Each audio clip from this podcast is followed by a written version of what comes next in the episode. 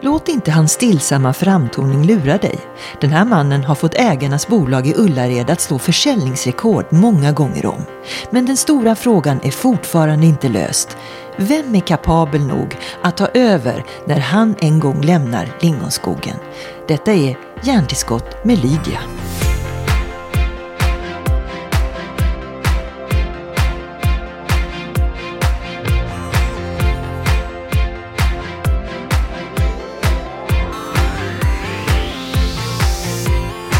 Vi rullar nu men jag ska bara se om ljudet funkar. Ja.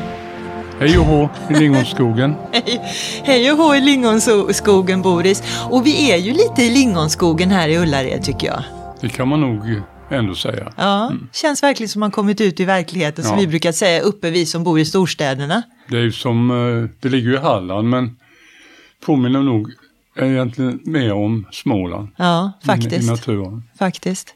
Du Boris, jag hade ju nöjet att gå här nu i eh, butiken, i varuhuset eller affären eller vad vi nu ska kalla det för. Eh, du blir igenkänd såklart, eh, men kan inte det ställa till problem när du faktiskt ska inspektera verksamheten, när folk drar i dig? Det är ju dubbelt det där att vara igenkänd antar jag. Jo, det kan ju vara så att man har bråttom och helt enkelt inte har tid. Och, och annars tycker jag inte det är särskilt jobbigt för att jag, jag tror att jag får mer input från kunder än någon annan vd i Sverige. Och det, det är jättevärdefullt. För de berättar väldigt många saker som man direkt kan ta till sig och göra någonting åt. Så när alla andra jobbar med dataanalytiker, då går du ner på golvet och pratar med folk? Ja, det, det är mycket enklare. Så det, det är liksom eh, att, att köpa tjänster, vi ska mäta beteende och hur folk, och hur de, så det, det är ju ingen grej för mig.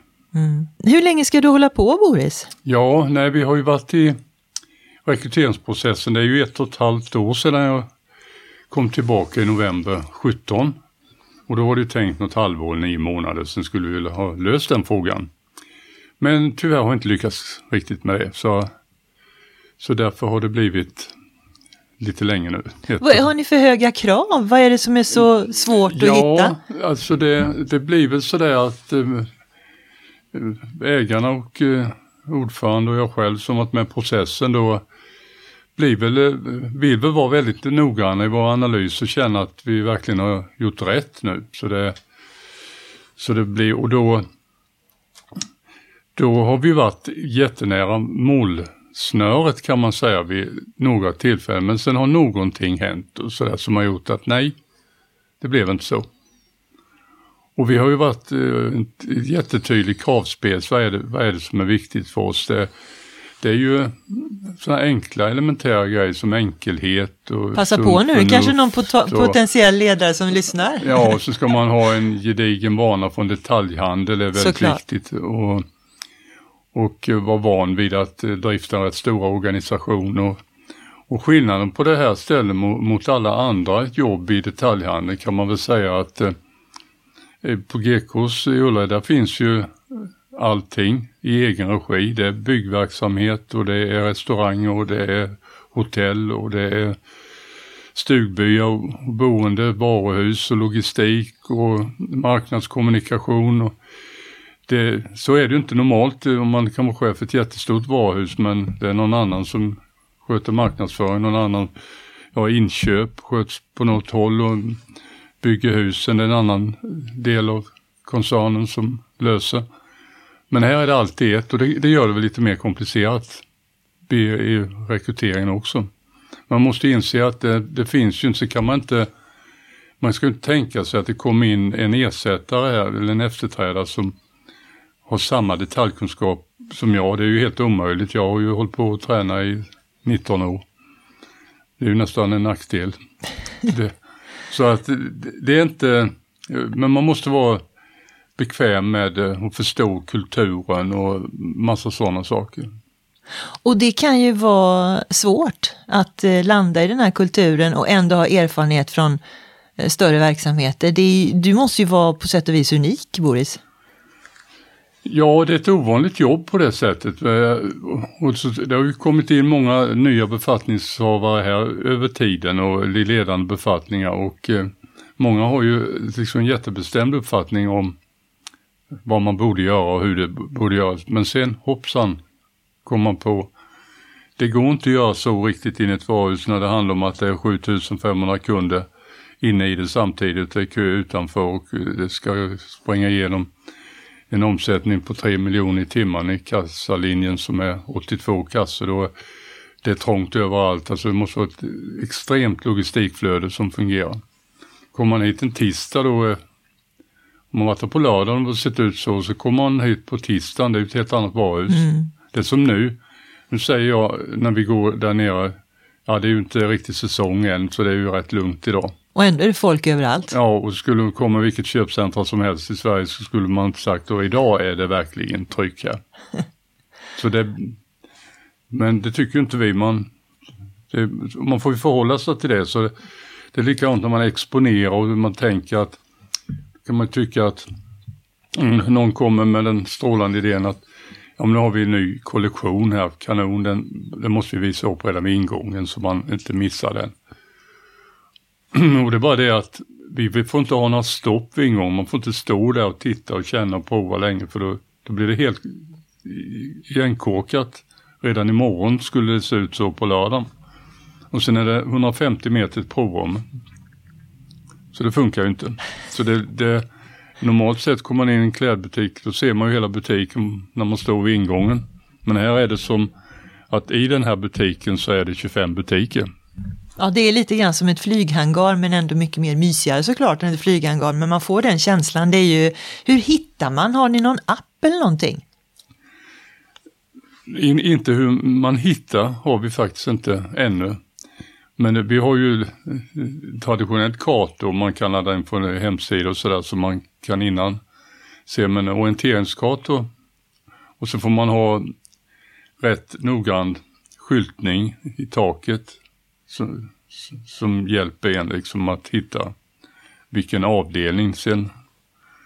Men det, man kan inte överdriva det heller för det får inte vara för mycket skyltar. Nej. Boris eh, Lennerhov, jag kan väl ändå säga att du som ledare representerar en, en hyfsat folklig företeelse. Det är ju också ett tv-program. Men man får känslan av att när en ledare som har varit med och bygga kulturen eh, slutar eh, så händer det saker som inte går riktigt att, att reparera eller få tillbaka. Titta nu, Kamprad mm. lämnade bygget av naturliga skäl. Du ska ju sluta för att du tycker väl eh, antagligen att det får vara bra nu, eller vad är anledningen? Ja, det var det jag tyckte då redan 14-15 i årsskiftet att då hade jag gjort 15 år och tyckte att det var bra nu, för det är trots allt ganska slitsamt jobb också. Och sen vill jag ägna mer åt barn, barnbarn inte minst och, och göra fler saker med familjen och privat eh, som man aldrig hinner. Men, men så blev det som det blev, så jag gillar läget nu och tycker det är kul ändå, men jag vill ju, jag skulle lägga av för jag vill det. Men jag håller på tills vi hittar en ny. Mm. Och det, jag tror det är precis, det är ju två delar, det är viktigt med hur ägandet ser ut. Och sen är det ju den operativa ledningen är ju hur det ser ut i verkligheten. Men ägandet är ju mer, det kan vara en oerhörd skillnad om man till exempel är ett noterat bolag där man förväntar sig kvartalsrapportekonomi där varje beslut ska liksom löna sig snabbt annars så blir det inget. Och här, här till skillnad då när det ägs av två killar från bygden och varit med här sedan de eh, slutade skolan och eh, brinner för detta och vill utveckla det. Och investerat oerhört mycket pengar för att kunna utveckla det. En förutsättning för att kunna utveckla något är ju att det går rätt bra. Annars har man inga pengar. Och, men så kan det vara ett annat ägande som där ägandet vill ha pengarna snabbt. Och då blir det inte den utvecklingstakten här har vi kunnat ta vilka beslut som helst och säga att ja, ja, det kommer ju kosta pengar tre år men det, vi ser det på väldigt lång sikt. Om man till exempel bygger tusen parkeringsplatser till nu i, i trevånings P-hus, då kostar de ju ungefär 150 miljoner. Alltså det har varit en annan ägarform som har sagt, nej det där måste ni kunna lösa på annat vis. Det är bara några dagar om året de behövs allihop de där, det blir ju för dyrt. Men eh, vi, vi tänkte så nej, ska kunna komma hit och trivas här så måste de faktiskt kunna parkera. Men det är också ett förhållningssätt som man måste ha som ny vd här, att förstå den eh, saken, att det är en social utveckling också, inte bara en affärsverksamhet. Nej, det, det är ganska mycket det, för man är ett stort ett så stort företag på en så, så liten kommun egentligen. Får inte tala om orten, orten Ullared, men här jobbar ett par tusen och i Ullared bor det 800. Och då, då är man ju, det är mer som ett gammalt eh, brukssamhälle. Så, så man är mer patron. Så man, man blir lite borgmästare så att säga. Man måste tänka på väldigt många fler frågor som man aldrig gör in i en stad. Där bara förväntar man sig att det fungerar allt runt omkring. Med, men här är det ju allt från, från idrottshallar till konstgräsplan och skidbackar och alltså det, det blir ju vi som får vara den som garanterar att det händer sånt. Men är det inte lite optimistiskt då att tro att en ny vd ska bli allt det här och bli lite borgmästaren i Ullared som du har fått vara eh, på massa mm. olika sätt. Det är ju en jättesvår, eh, jättestora skor att vandra i för att vara mer konkret. Jag tror man, man, man får liksom ha utgångspunkten att den ska inte vara som jag. Men jag tror att personligheten och den sociala talangen och den empatiska, alltså de grundvärdena, har man det så sköter man det. Mm. Då, då, kommer man att fixa det, jag är övertygad om. Du berättar för mig att ni har investerat i 9000 kundvagnar för 18 miljoner. Ja, det har vi precis gjort. Och då kommer ju följdfrågan, hur stort kan Gekås bli? Hur många fler kundvagnar kommer ni investera i? Ja, det är ju inget problem för det är många som vill tillverka dem och, och leverera hit dem. ja, det, så det, det, det, går bra. Men det, det, handlar ju egentligen bara om, det är, det är otroligt mycket, det är en destination. Det, handlar om att alla saker fungerar, att är helheten med boendet, att det är bra och billigt, att ätandet, att det är variationsrikt och finns på många ställen och, och väldigt prisvärt och smakar bra och eh, hela utbudet, sortimentet, det måste samhället utvecklas och världen utvecklas och människor utvecklas och då hänger man inte med i det. För om du hade kommit hit för 20 år sedan, som det Gekås såg ut när jag klev in här, då kan jag nästan garantera att då har vi inte funnits idag. För det, så mycket har hänt och så mycket förväntningar och krav och vi hade ju överhuvudtaget inget boende eller någonting sånt där utan det, det är ju den helheten som gör det och hur mycket på tå vi är. För att eh, när katten blir fet då kan det gå ut för oerhört fort. Mm. Det har många fått erfara, många stora fina bolag. Och, och sen vara med i det och sen samtidigt vara extremt konsekvent. Detta är vår affärsmodell, detta är vår affärsidé och det är den som gäller och det är den kulturen som gäller och det är det vi står för. För det kan vara lätt att komma in här och tycka att det borde väl ändå vara lite mer NK-stuk. Mm. Men vad får dig att inte bli fet katt då? För det kan ju lätt hända. Du vandrar bland kassorna här och det är, eh, idag hörde jag hur du pratade med en medarbetare där omsättningen hade ökat ytterligare mm, i någon, på någon avdelning här. Det är ju hela tiden positiva siffror. Det kan väl vara lätt att, att gå åka hem på fredagen och säga nej men det där löser sig självt. Ja men det, det är nog själva drivkraften. Det är positiva siffror. För när det utvecklas och går bättre och blir lite bättre. Sen är det naturligtvis sånt där att kan vi då belöna och ha lite bonussystem som delar med sig så förstärker det ju den känslan. Men det, är man inom handel eller serviceyrken då, då är det rätt så genuint, då är man lite tävling. Man vill leverera och man vill, man tycker om människor annars borde man inte vara här. Och då, då ger det sig själv på något sätt. Och, mm. och här är det ett unikt ställe för kunderna är ju extremt trevliga här. De är mycket trevligare här än när de rusar in i en livsmedelsbutik på fredag eftermiddag och har brådis. Det, Och det smittar ju även personalen så det blir lite ömsesidigt det där. Mm.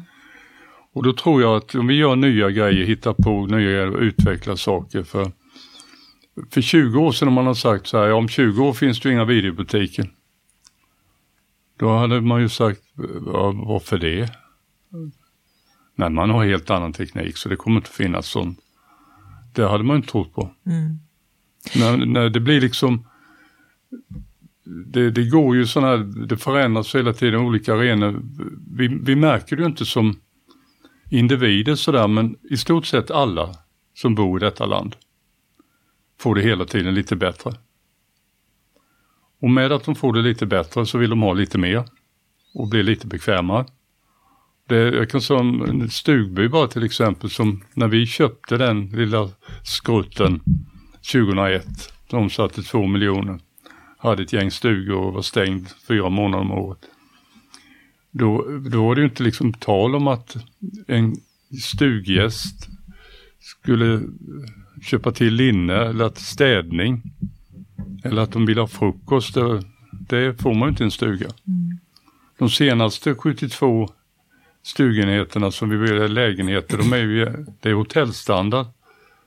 Där ingår ju frukost, städning och ja, sänglin och allting. Så, så standarden är till och med lite högre än ett hotellrum. För det finns även kök, spis och mikrovågsugn. Och det blir fyllt först. Så, det en, så vi gör den resan utan vi märker det så vi får lite mer, lite bättre. Och sen är det ju när man gör medarbetarundersökningar nu för tiden och då frågar jag liksom, varför ställer vi den frågan? Man till exempel, tycker du tiden räcker till? Då svarar ju alla nu för tiden att nej, tiden räcker inte till. Då blir ju motfrågan, vad ska jag göra åt det? Ja, det enda kan vara att dra ner arbetstiden två timmar med full lön, då skulle ju alla bli glada. Men det är ju inte så att arbetstiden har förlängts. Den är till och med kortare idag än vad den var för ett antal år sedan. Men allt annat vi gör tar ju tiden. Det, det, det, och då blir ju arbetet nästan ett hinder för att utveckla andra, alla andra roligheter. Mm. Många av de roligheterna vi håller på med hade man för 25 år sedan inte råd med. Så är det faktiskt. Mm. Men så jag tänker så att konsumtionssamhället, alltså det, vi måste ju i framtiden ta vara på saker mycket bättre. Vi måste förädla, vi måste säkerställa hela kedjans väg från den produceras till den konsumeras. Och det är ju allas ansvar och inte minst är vi ju en del av det ansvaret. Så du menar istället för att flyga mindre måste planen bli bättre helt enkelt? Ja, kan, och drivmedlet? Det är ungefär som med elbilarna.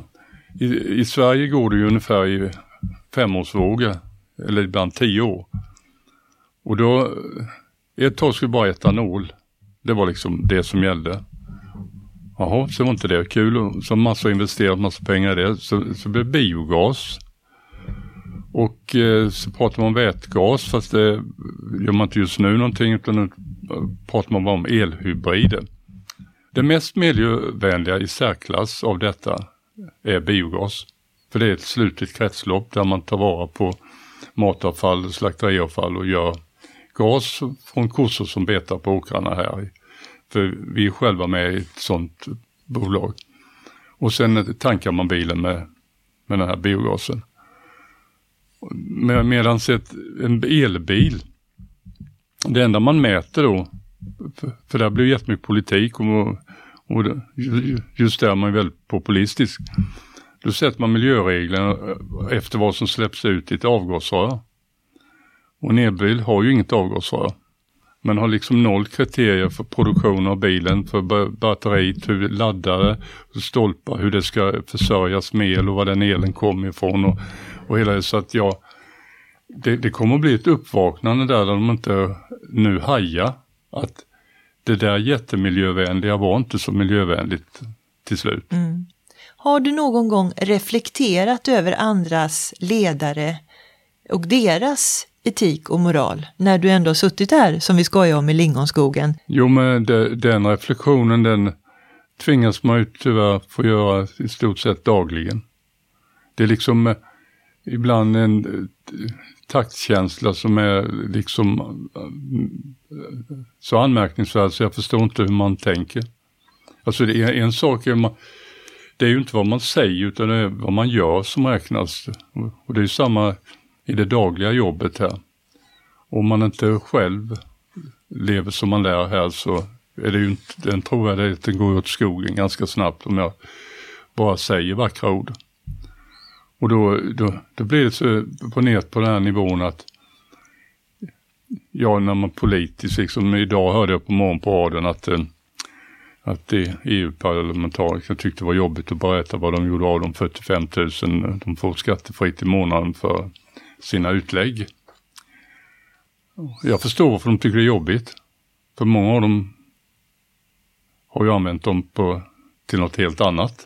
Och det är extremt, 45 000 det är inte lönen utan det är ett, ska, skattefritt. Det får man ju ha ett jobb i Sverige och tjäna 150 000 för, för att liksom få, få ut en summa. Ja. ja. precis. Så det, det blir ju någon gräddhylla av sällan skådat slag. Och, och det är klart om, om en styrelse, ett företag, ett stort, utan att namnge det, jag kan säga det en bank, om man i den banken liksom har total kris, trovärdighet och det mesta och eh, aktieägarnas värde och i botten och anställdas bonus eh, strök med. Men man höjde styrelsearvodena. Den fingertoppskänslan, den är så anmärkningsvärt korkad. För det, och då, då, tror jag att då har man lämnat den här vanliga vardagen för vanliga människor så långt ifrån sig så, så man, är, man tror sig vara ett annat väsen som står över allting. Och det är klart, det, det straffar sig ju till slut. Kan det inte vara så att det är lättare för dig att ha fötterna i myllan givet verksamheten, att du alltid träffar och ser folkligheten? Jo, det underlättar ju säkert eh, att, att man verkligen ser och förstår. Alltså, eh, det, det, när man hör, det är liksom allt från här bostäder och med bygg och sådär. Så, så många av dem som sitter mitt i den smeten har gjort det och liksom, de har någon slags utgångspunkt för att alla människor har tre miljoner på banken och kan betala en hyra för en trea på 12 000. Och alltså det, så nej, det finns jättemånga som har jättetufft att få ihop sin vardagsekonomi. Men de verkar som att man, man, man är aldrig där. Man ser inte det. Mm. Och det blir liksom i politik likadant där man det är liksom jättefint att vara generös i, i mottagandet av flyktingar. Det, det, vet ju alla att det är människor som är extremt utsatta och så vidare. Men om man då liksom ett penndrag gör det helt okontrollerbart, det som, som då kommun eller annat, så alla andra, sjukvård och tandvård, ska försöka skola inte minst, när det bara ramlar över en. Så den vänligheten var ju att man gav alla dessa människor en taskig stat i vårt land. Och samtidigt så skapar man en massa integrationsbekymmer och sociala problem och, och kriminalitet som det är så naivt. Va?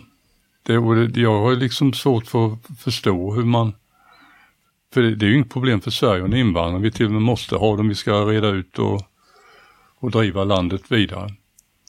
Men eh, när proppen gick ur då, då försvann ju liksom all sans och balans.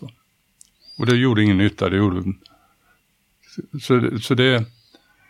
Men där är man ju så kortsiktig och så röstfiskande.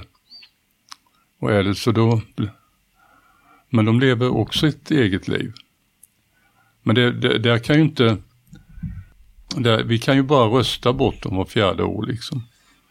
Men som företag, om vi inte sköts, om inte vi gör rätt sak, om vi, om vi inte står upp för de värderingarna, om inte vi är villiga att vara med och hjälpa till där det är utsatta eller på olika sätt eller främja socialt liv eller fattiga länder. Vi sponsrar mycket Bangladesh och där, där vi har produktion och sådär på plats och ställe och, och Indien och lite till. För det, det känns ju väldigt skoj att göra det. Och då gör man ju någon nytta med pengarna.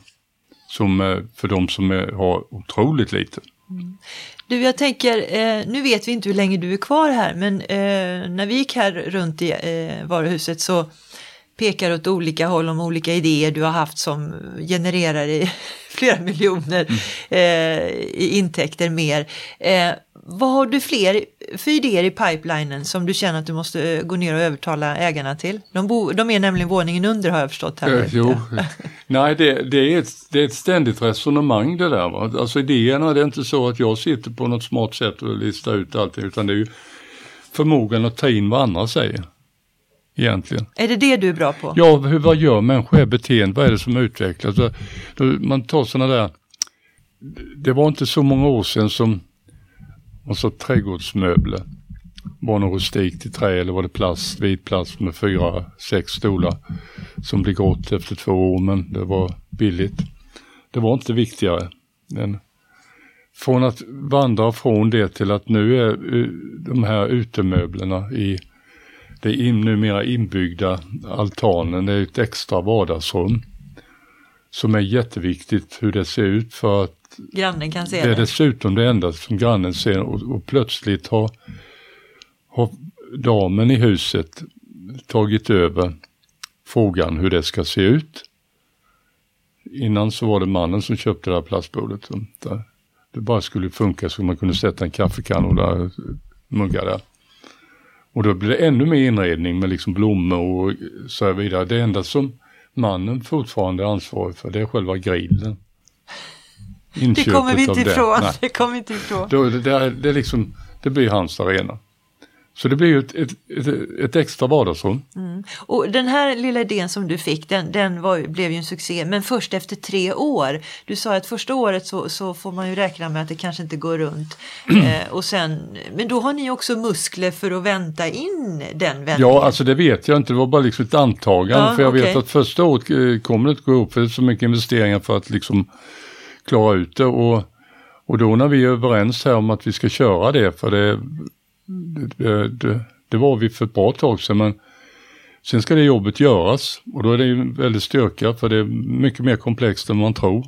Men tack vare att jag har mycket kompetens runt mig så är det möjligt. Mm. Och det här, de... det här, innebär att man kan, måste komma till Ullared för att köpa möbeln ja. men ni kör hem den så att säga? Ja, det är så det hänger ihop. Ja. Det är själva vår affärsmodell bygger på, är man inte på destinationen så finns vi inte. Och därmed kommer GKs inte hålla på med e-handel? Nej. För man måste hit? Ja. Och vi skulle aldrig klara att tävla med oss själva i, relativa kostnader. Det skulle bli så väldigt mycket dyrare att köra det här konceptet eller köra GKs med e-handelsmodell. Då är det någon annan som ska plocka ihop grejerna och frakta hem dem och emballera dem. Och så.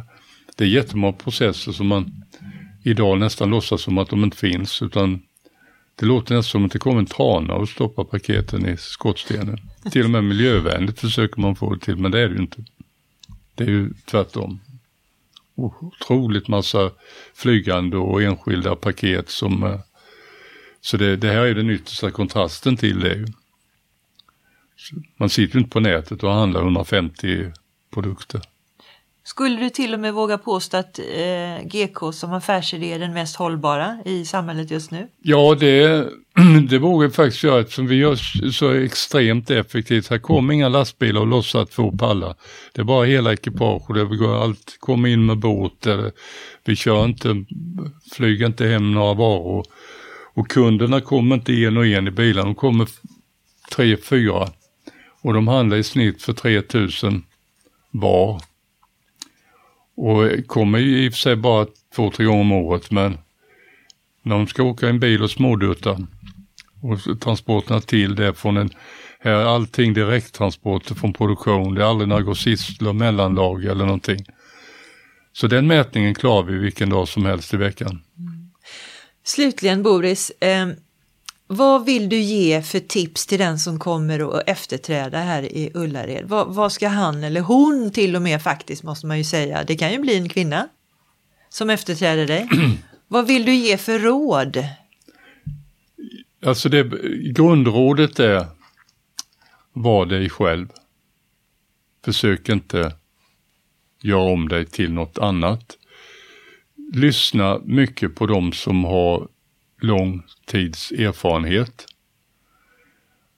se till att de första månaderna inte fatta ett enda väsentligt beslut.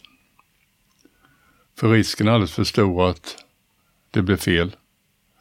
Sen när man har insupit det liksom så ska man börja fatta många beslut. Men det gäller att ta de lågt hängande frukterna. För om man har varit VD i 15 år, eller 17 år är det jag varit VD, då kan man ta djärva beslut. Man kan vara väldigt modig. För även om vi skulle misslyckas med någon så här nytt eller så här, så kommer jag inte bli utsparkad för det, för vi var faktiskt överens om att göra det. Men om jag kommer in och börjar med att driva en idé som jag har, som går åt skogen, då faller förtroendekapitalet rakt ner i källaren. Och det är otroligt tufft att bygga upp igen. Mm. Men det är liksom, för man ska ändå vara väldigt synlig, väldigt handlingskraftig, leva som man är. Så att det viktiga är att börja inte med att resa ut i världen för att titta hur de producerar varor, för det har vi andra människor som gör. Börja med att lära känna alla människor där du ska förhålla, alla de som ska göra jobbet åt dig. För ser de det och gillar det, då kommer de att hjälpa dig att göra jobbet. Det är ganska självklart. Tack Boris Lennroth. Tack.